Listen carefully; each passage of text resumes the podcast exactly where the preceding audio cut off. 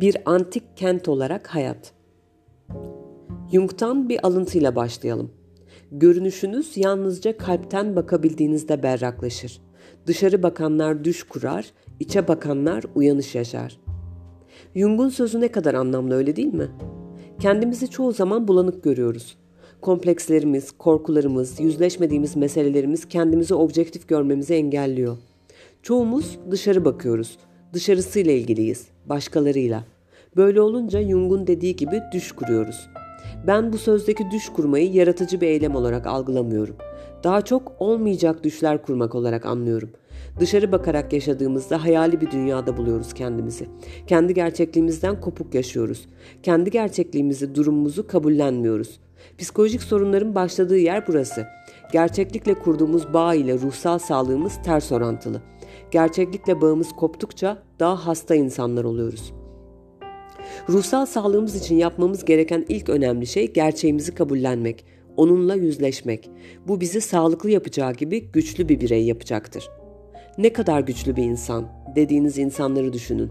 Bir ölüm, kayıp, yıkım. Kötü şeyler yaşamış, yaşamış olsa da dimdik ayakta duran insanlar için deriz böyle. İşte o güçlü insanlar hayatı yeniden kurma yeteneğine de kavuşmuştur artık. Küllerinden doğmuşlardır. Bir dağı aşmışlardır. Gerçeklik büyük bir dağ gibidir. Bir dağa tırmanmadan, tepesinden aşağıya bakmadan onu aşamazsınız. Gerçekliğinizi bütünüyle kabul ettiğinizde ise hiç kimse sizi durduramaz. Değişmişsinizdir. Birçok insanın mızmızlanacağı şeyleri yapmak sizin için çocuk oyuncağı olmuştur. Büyümüşsünüzdür.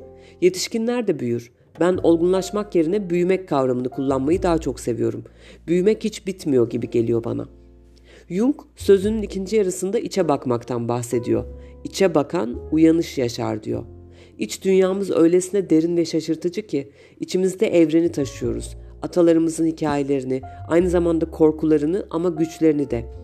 Mark Wallin Seninle Başlamadı isimli kitabında atalarımızdan bize miras kalan travmalarla baş etme yollarından bahsediyor.